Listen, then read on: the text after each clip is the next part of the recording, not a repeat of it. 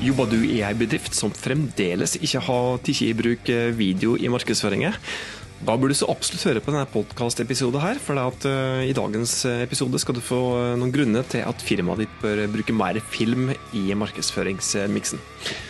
Så det er slik at Du vil etter hvert høre deg at dette her er en spesialepisode med litt bråk og bakgrunnsstøy. og Det er grunnen til at dette her er en episode der jeg har med meg en gjest. Jeg har fått med meg Torstein, som da er min eldste sønn, som nå er jobba som, som, filmprodusent og er i ferd med å fullføre en, en bachelor i medieproduksjon. Og oss har tatt oss en liten prat der oss da tar for oss eh, ulike grunner til at bedrifter nettopp bør bruke mer video i eh, markedsføring.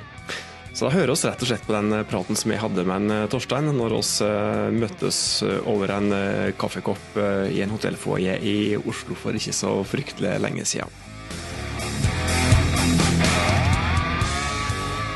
Denne podkastepisoden her med er faktisk en spesialepisode. Litt lik walk and talk.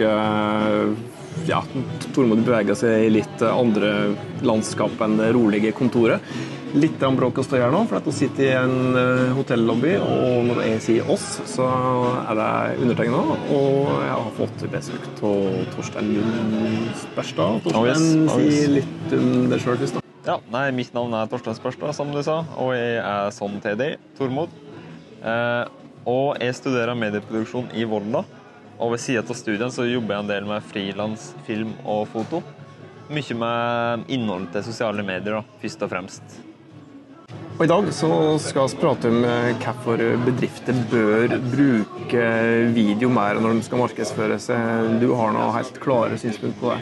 Ja. Eh, først og fremst så er jo video ganske så visuelt, og folk liker å konsumere video. Eh, video er fortsatt på vei enda mer inn enn det alt er. Folk digger video, spesielt i sosiale medier. Algoritmen liker det. Det kan sikkert du si litt om. Ja, altså det er jo slik eh, Når du sier at algoritmen liker video, så er det slik at eh, det har lenge vært slik at Facebook gir litt ekstra synlighet til enkelte typer innlegg enn andre. Hvis du publiserer et vanlig tekstinnlegg f.eks., så vil det generelt sett eh, få langt dårligere rekkevidde enn når du publiserer en video på Facebook.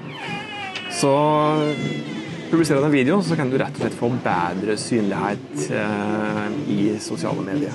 Jeg vil jo si at video eh, har mye lettere for å fange oppmerksomhet enn f.eks. et bilde. da. Rett og slett for det, fordi det er levende og hjemme så visuelt når det dukker opp på skjermen din. da.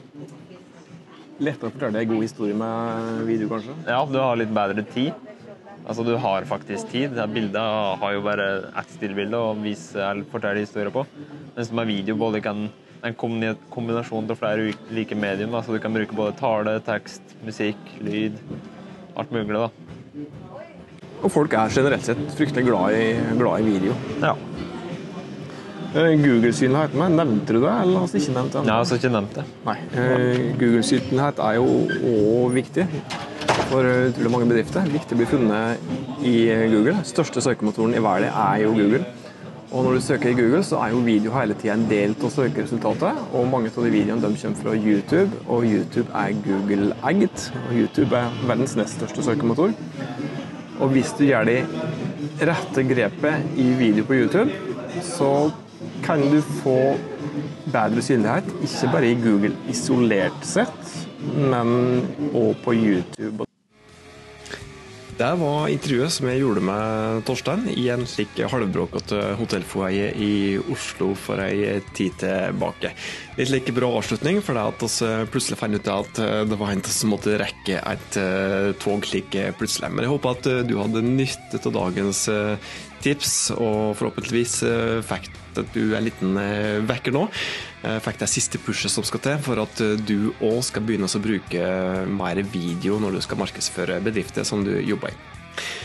Hvis du hadde nytte av dagens podkastepisode, så blir jeg skikkelig glad om du tipsa noen andre med denne podkasten her. Som vanlig, om du har ønske om ting du vil ha tips om, eller har spørsmål om markedsføring, send meg en DM på Insta, så skal jeg love å komme tilbake til det med et personlig svar.